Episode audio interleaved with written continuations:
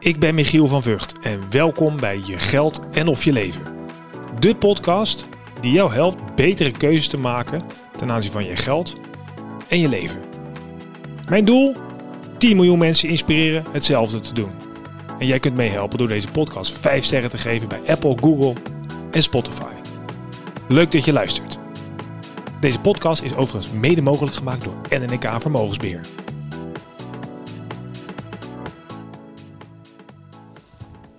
Leuk dat je weer kijkt naar deze podcast. Via YouTube abonneer je dan snel of je luistert via Spotify, Google of Apple of waar je ook luistert.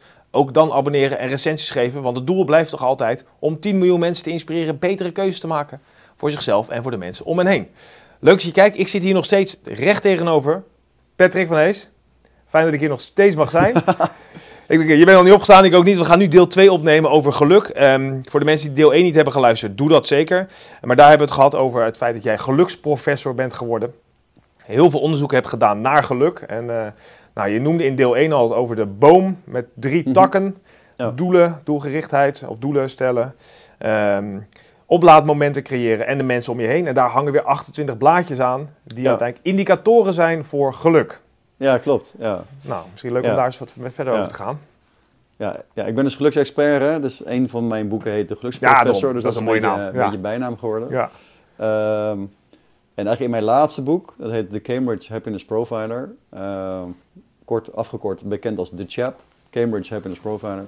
Daarin eh, laat ik eigenlijk zien hè, dat, dat iedereen heeft een eigen geluksboom. Hè, dat, dat is eigenlijk zeg maar, een soort metafoor. Maar die boom staat dus niet bij iedereen even stevig. Eh, heel kort gezegd, dat heeft te maken met je verleden. Wat heb je allemaal meegemaakt? Positief of negatief? En van die negatieve dingen, hoeveel last heb je er eigenlijk nu nog van? Ten tweede, een stukje aanleg. Van nature hebben sommigen wat meer aanleg voor geluk dan anderen, omdat ze stressbestendiger zijn of optimistischer zijn bijvoorbeeld.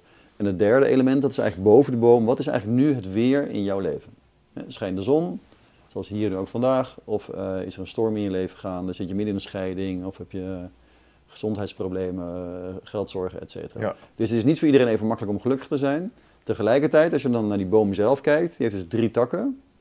Die staan dus voor geluk is dom, doelen, oplaadpunten en mensen. Dat zijn eigenlijk dus de drie takken, dat de basis van geluk. En aan die takken zitten dus in totaal 28 blaadjes. En dat zijn de geluksvoorspellers. Voorspellers, ja. ja. ja. en dat zijn eigenlijk zeg maar, dus de facetten of de elementen van geluk waarvan wetenschappelijk onderzoek suggereert dat ze allemaal kunnen bijdragen aan geluk. Oké, nou we hadden... Eigenlijk wat je wilt, en dat, dat is heel handig. Ik kan zo even kort een plaatje laten zien. Het is heel handig om op deze manier, ik vertel het nu even, maar als je een plaatje bij hebt, om mensen eigenlijk uit te leggen, ja, hoe werkt geluk eigenlijk? En tegelijkertijd ook om dan in kaart te brengen, nou, hoe scoor jij nou op die 28 blaadjes? Hoe verhoudt dat zich tot andere mensen? Tot gemiddelde Nederlanders, tot hele gelukkige mensen of minder gelukkige mensen. En dan kun je een soort van benchmarken, zeg maar met een, eh, Ja, ja, precies. met een ja. referentiegroep vergelijken. En dan kun je eigenlijk heel snel zien, wacht eens even, op die elementen. Kijk, lichaamsbeweging, dat zal jij wel genoeg op, goed op scoren, denk ik. Hè? Ja. Dus dat zal ook niet, misschien niet heel veel toevoegen als jij zegt, nou, je moet nog meer gaan Nee, ik ga nog meer precies. Nog meer sport heeft er geen zin Nee, want dan gaat misschien ten, korte, ten koste van jouw tijd met, met vrienden of familie. Ja, ja, ja. Hè? Dus je kunt eigenlijk heel snel kijken van waar doe je het goed. Dat noemen we eigenlijk je geluksbronnen. En waar, waar zit verbeterpotentieel? Dat noemen we eigenlijk je groeigebieden.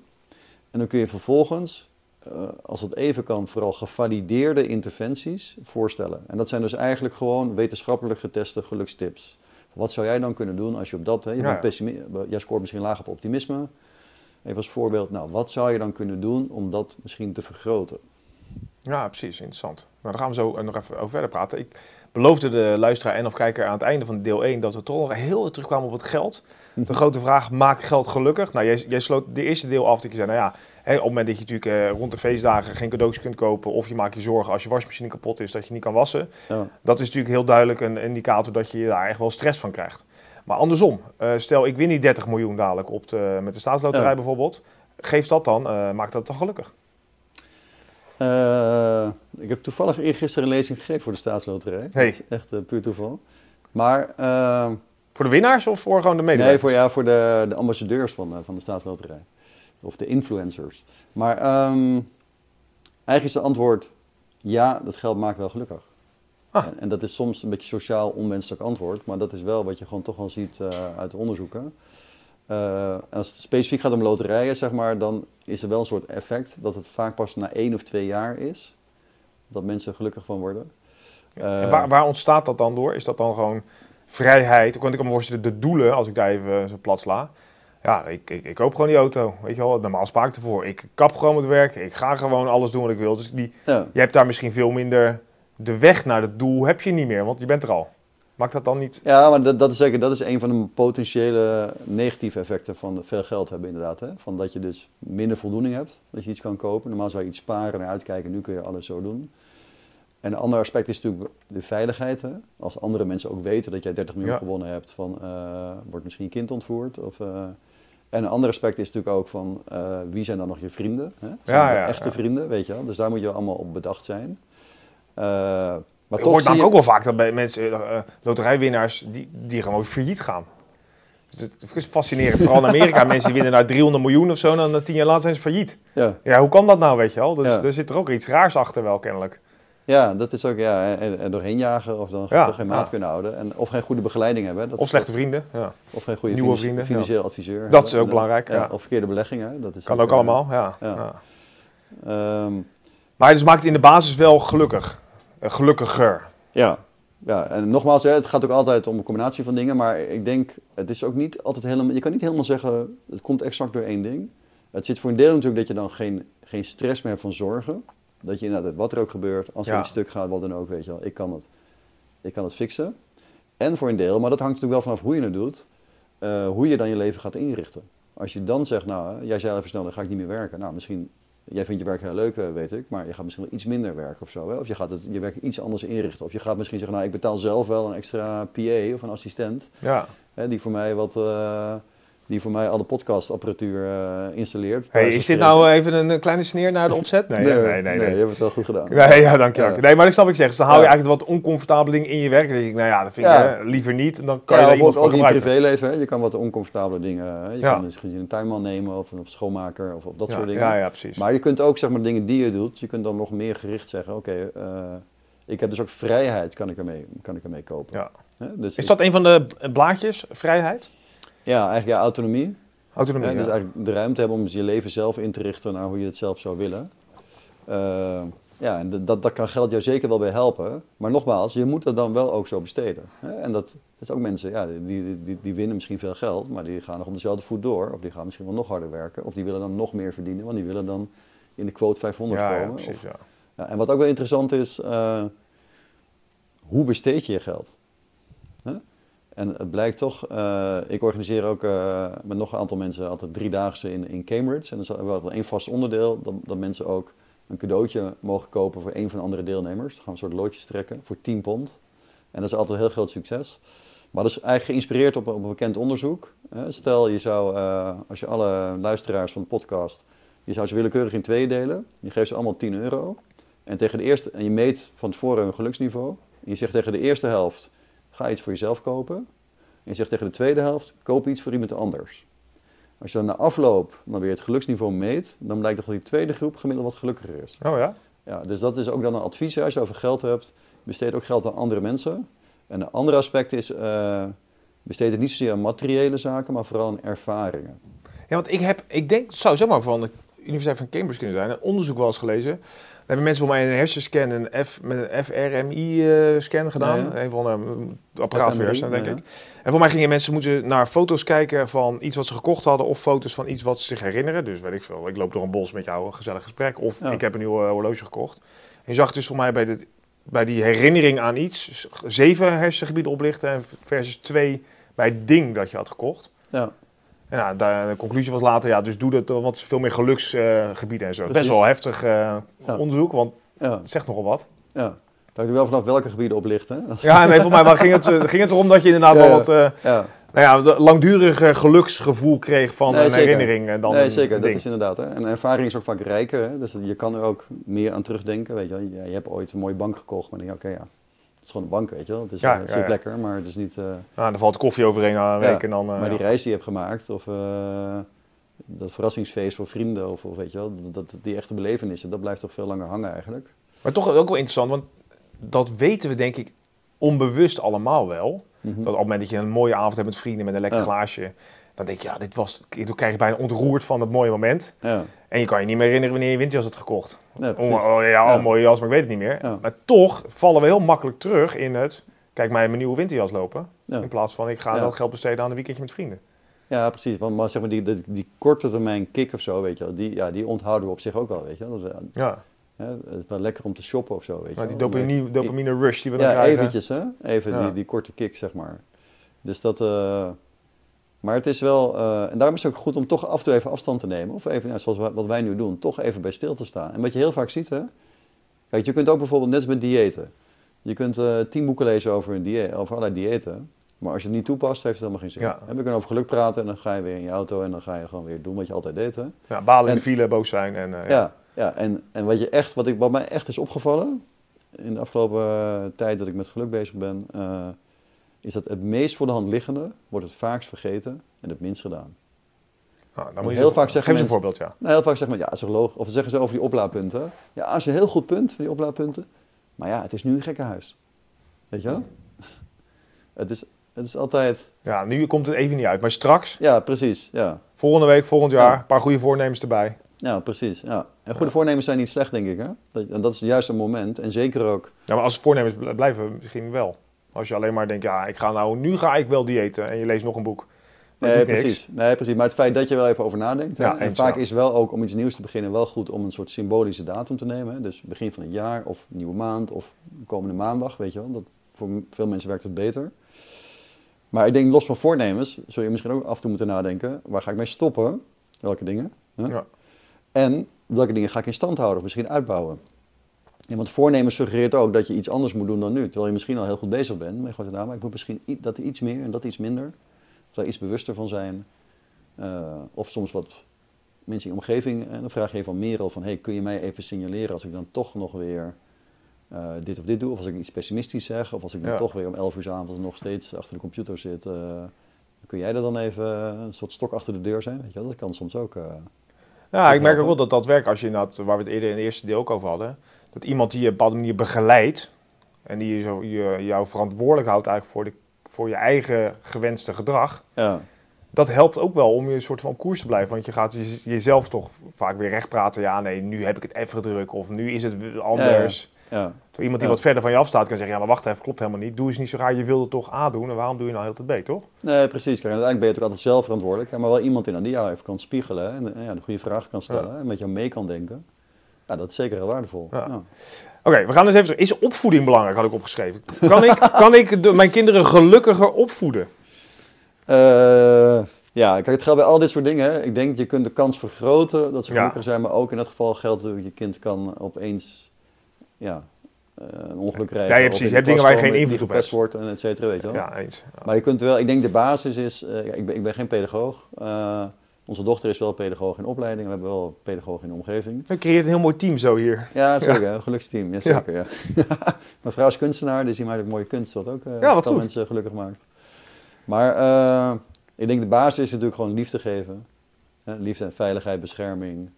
Eh, Autonomie, is dat iets? Want ik, Ja, weet, ik kan me ook voorstellen dat... Voor mij las ik dat in dat onderzoek waarom Nederlandse kinderen in verhouding wat gelukkiger zijn dan in de rest van de wereld. Is dat, dat herken ik wel, wij gaan in dialoog. Wij willen dit doen, wat vinden jullie?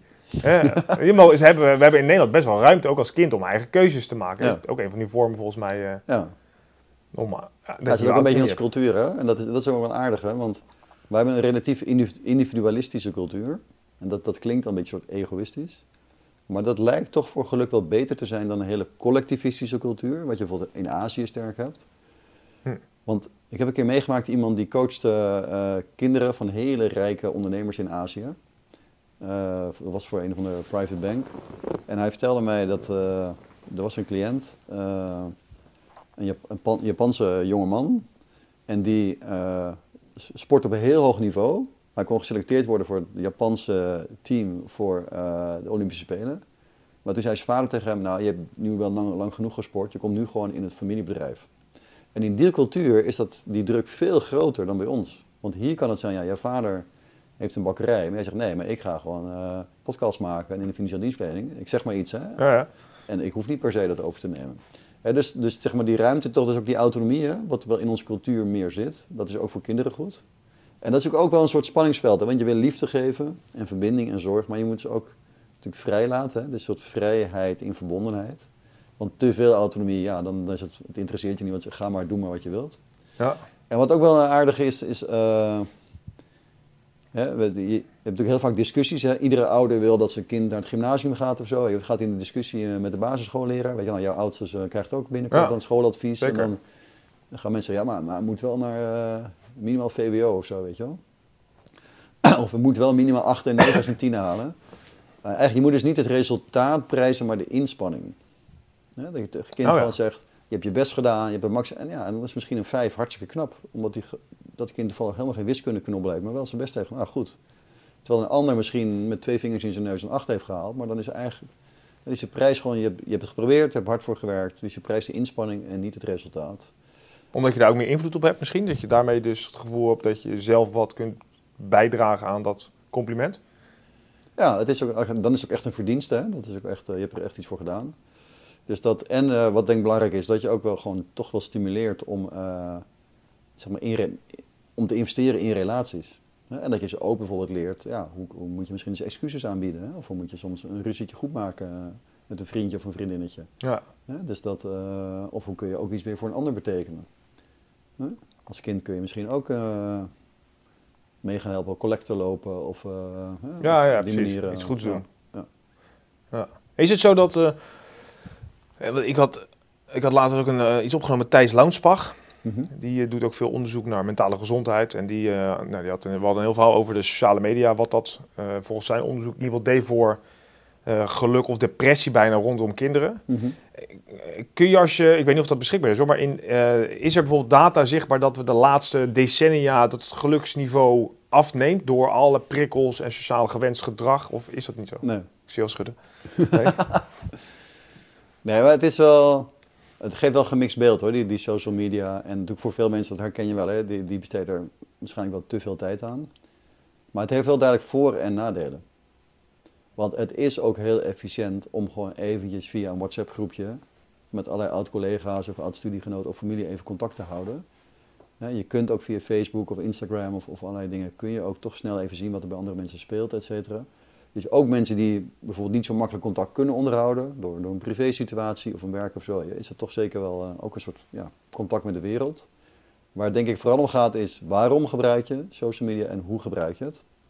En zeker ook naar kinderen toe, hè? want we zien ook, hè, jongens gamen vooral heel veel, meisjes heel veel social media. Dat is op zich helemaal niet slecht, want je leert er ook heel veel van. Mhm. Maar ik denk de hamvraag is vooral, doe je ook genoeg dingen ernaast? Hè? Zoals?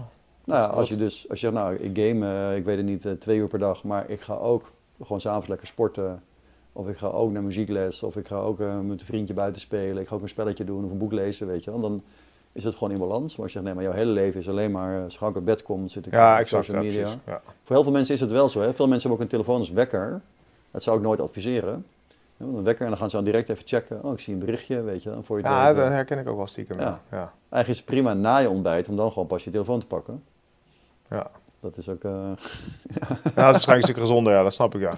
Ja. Hey, we hadden het, eh, wat ik, ik hoor een aantal dingen zeggen, is die, eh, die het, het DOM, daar begonnen we eigenlijk mee, hè, DOM, de afkorting. Mensen komt daar veel in terug. ja.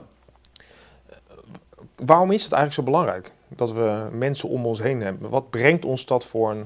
Waarom, waar komt het geluk dan vandaan? Ja, kijk, je ziet ook, hè, als, je, als je mensen volgt hè, gedurende een week bijvoorbeeld, hè, dan noemen ze experience sampling. Dat, dat mensen, dan krijgen ze een paar keer per dag, vaak via een app.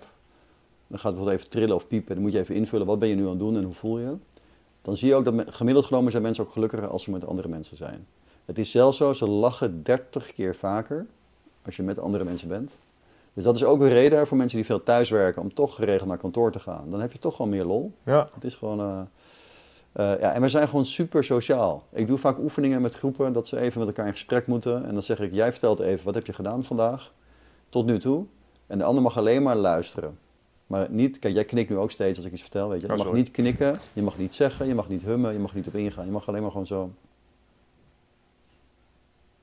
En dan al na 10 seconden gaan ze zich allebei ongemakkelijk voelen. Ja, dat, is, dat herkende ik al. Ja, je herkent Ja. het misschien nu al. En dat, het is maar 10 seconden. hè. Wij zijn eigenlijk wij zijn nog veel socialer dan we ons eigenlijk zelf realiseren. Want je bent ook steeds de verbinding aan het herbevestigen en zo, weet je wel. Van ja, we hebben nog connectie, ik luister nog. Ik, ondertussen knik ik gewoon rustig verder. Ja, je, knikt ja, je kan het bijna niet, niet doen. Hè? Nee. Dat is ook gewoon... eh, En het is natuurlijk ook... Ja, we hebben ook elkaar nodig. Hè? Dat is ook, eh, eh, ja, ook hoe we ook weer geëvalueerd zijn. Dat je Ja, op de gewoon- savanne had je de eh, paar ogen nodig voor de leeuw en iemand die de bestjes wist te vinden. En zo. Ja, precies. Ja. En iemand die het vuur eh, Ja. eh, kon bewaken, et cetera. Dus dat is ook... eh, ja, dus het is echt wel een heel sterk iets. We zijn echt we zijn door en door sociale, sociale wezens. En dat is denk ik ook, hè, als je zegt, eh, zou ik een investering moeten maken in geluk? Eh, nou, je hebt wel dus basis, zeker ook, ook geld nodig. Hè? Eh, maar zeker ook, doe dat dan in relaties. En als je die telefoon pakt in de ochtend, en dat is een van de meest populaire eh, toegepaste tips die ik vaak geef, heel eenvoudig. Een one-minute message. Als je dan die telefoon pakt na je ontbijt, maar voor je werkdag begint, dan neem je even iemand in gedachten, gewoon iemand die je kent. Dat kan zijn een oud collega van jou, eh, ik ken er toevallig een paar, Mark of Egbert, Ja. of iemand van je hockeyclub, of gewoon een relatie, of, of een nicht van je, je oma, oma, het maakt niet zoveel uit wie. En dan stuur je gewoon even een heel kort berichtje. Zegt gewoon, hey Mark, moest even aan je denken, alles goed, en, eh, ga je nog naar Spanje? Of iets over het voetbal, of, of je zegt, hey, ik zag een roodborstje in de tuin, oma, u houdt zo van roodborstjes, hier is de foto en ik hoop dat het goed met u gaat. Het maakt niet zo heel veel uit wat je doet. Hè? Je kunt gewoon een appje sturen, ook als iemand jarig is, weet je wel, dat, heel veel mensen sturen dan tegenwoordig een berichtje via social media. Je kunt ook gewoon even bellen, wat persoonlijker. Je kunt ook zomaar eens iemand een keer een kaartje sturen. Niet met kerst of voor de verjaardag of vakantie, maar gewoon zomaar. Of een, een leuk briefje, dat kost allemaal iets meer tijd. Eh, maar een kort berichtje via WhatsApp, eh, het heet one minute message, maar in de praktijk is het maar 20 seconden. En iedereen heeft 20 seconden aan het begin van de werkdag. Maar daarmee eigenlijk heel laagdrempelig, dan investeer jij wel in jouw misschien wel belangrijkste bezit voor een gelukkig leven. Gewoon de mensen om je heen. Want die gaan ook reageren. Hé hey Michiel, wat leuk, ik moest zo even aan jou denken. Hoe is het? Zo even bijpraten. En, eh, Het Ja. is bijna te simpel dat je denkt, ja. ja, maar het is nogmaals, het is wel vaak simpel. Maar de vraag doe je het ook? Nee, ja, dat is het. eh, Ja, zeker. Ja. Ja. En mensen zeggen, ja, het is heel simpel. En dan gaan ze weer door met gewoon eh, in de file staan of stressen. Of Ja, gelijk morgen. weer de... Ik doe het morgen, zeggen, zeggen we dan. Ja, precies. Ja. Ja, morgen weer een dag. Ja. Oh, wat grappig. En ja, dus, dus dat is een van de tips. Je zei, je, kan op basis van die, van die boom met die takken, met de blaadjes, even in mijn woorden, kun je ook een aantal tips meekrijgen van, nou ja, daar scoor jij relatief gezien ten opzichte van je peer Ja. group misschien wat lager. Ja. Dus misschien is het handig om de one minute message te doen of iets in Ja. die trant. Zo werkt Als het je al eigenlijk. op die mensenkant wat minder, als je niet zoveel investeert in relaties, hè, dat is ook zo'n blaadje. Ja. Zo, nee, ja, als ik heel eerlijk ben, Kan ja, ik dat beter? druk met werk en dingen, en, eh, maar mijn relaties, nou, dan kan dat een hele simpele iets zijn wat je heel makkelijk kan toevoegen, wat ook weinig tijd kost en wat eigenlijk veel geluksrendement zal opleveren. Ehm, even kijken hoor. Eh, die had ik ook al. Ja, wat is er een tegenovergestelde van, gel- van geluk? Misschien een ongeluk. Ja, ongeluk, maar dat is dan iets wat je overkomt.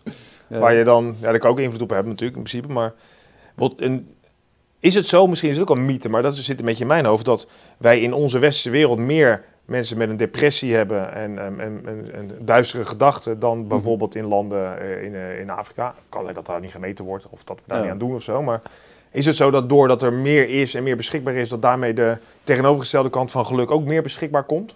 Of dat het lastig is om iets te bereiken? Nou, ik iets denk voor een deel wel. Kijk, wij hebben dus ook uitgebreide geestelijke gezondheidszorg. Hè, dus mensen kunnen ook meer geholpen worden. En het, het wordt ook meer gediagnosticeerd. Hè, dus dat is ook, eh, en, en dat wil ik ook wel benadrukken. hè. Mensen die, eh, die bijvoorbeeld nu echt depressief zijn, of die al langere tijd somber zijn en er niet op eigen kracht of met hulp van de naastomgeving eh, uit kunnen komen. Ja, dan moet je ook wel gewoon hulp zoeken. En dan vaak via de huisarts of bedrijfsarts, die kun je dan doorverwijzen naar, naar, naar een psycholoog vaak.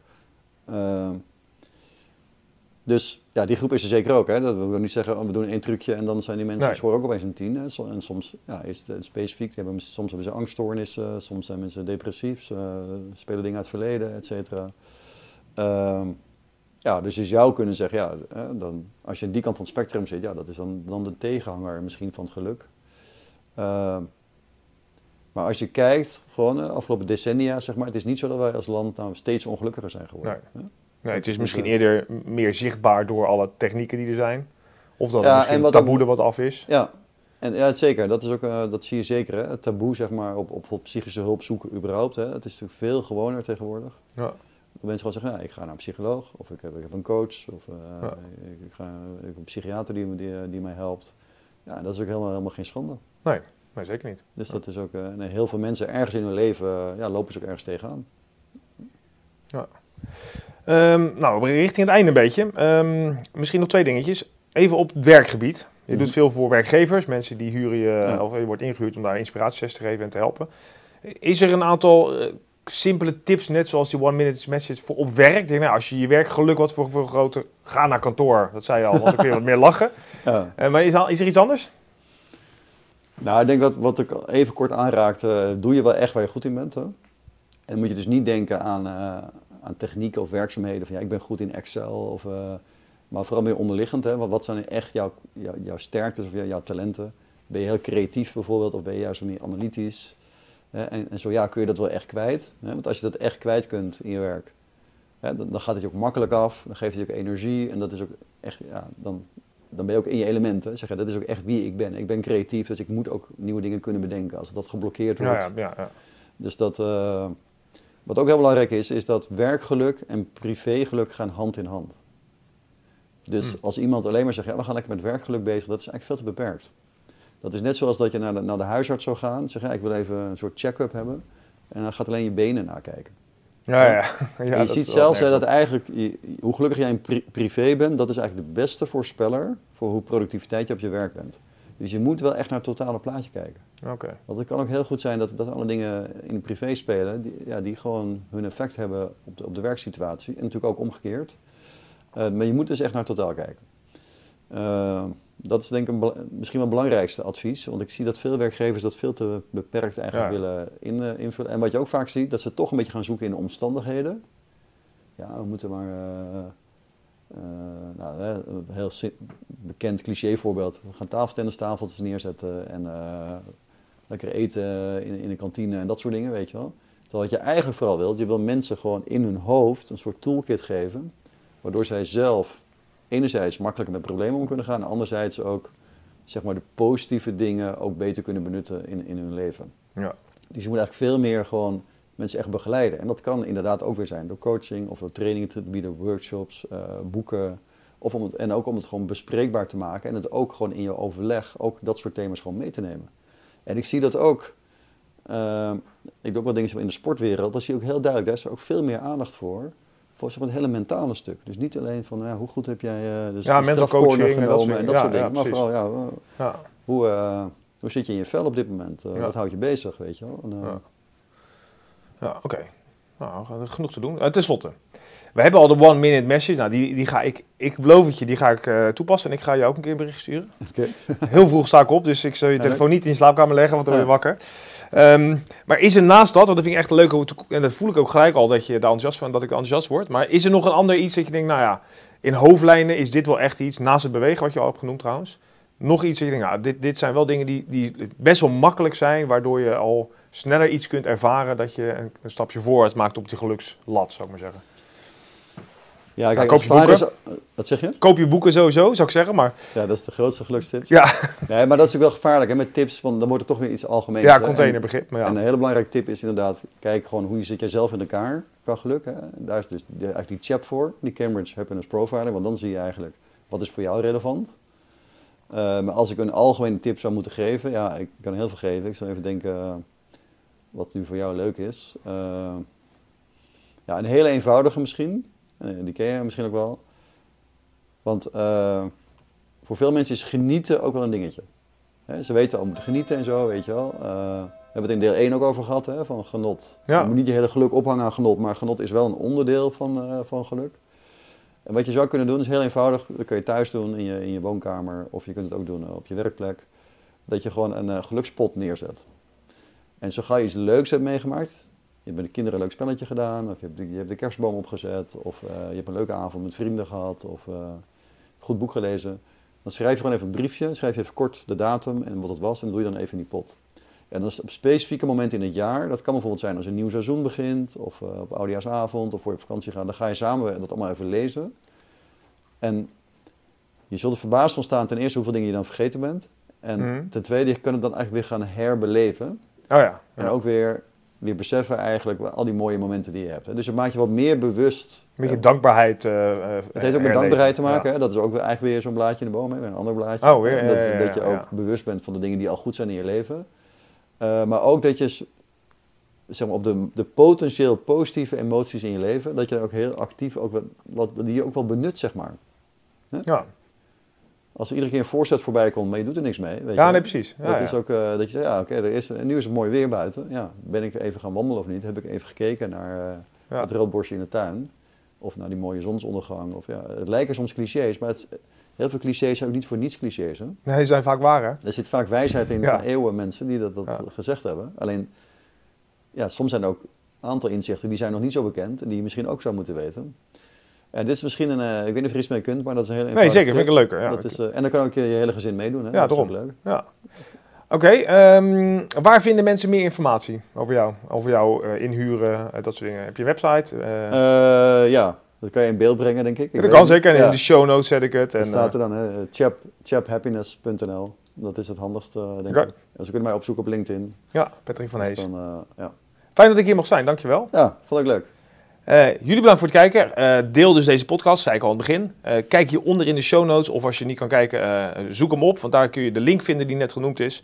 En dan, dan kun je direct aan de slag om je leven net wat gelukkiger te maken. En nou ja, je leeft maar één keer, denk ik. Dus waarom zou je dat niet doen? Vind je dit nou een interessante podcast? Luister dan ook vooral deel 1 nog even terug. En deel dit met andere mensen in je omgeving. Want zo kunnen we samen mensen gelukkiger maken. Dat is uiteindelijk wat prachtig zou zijn. Onwijs bedankt voor het kijken en luisteren. Tot snel.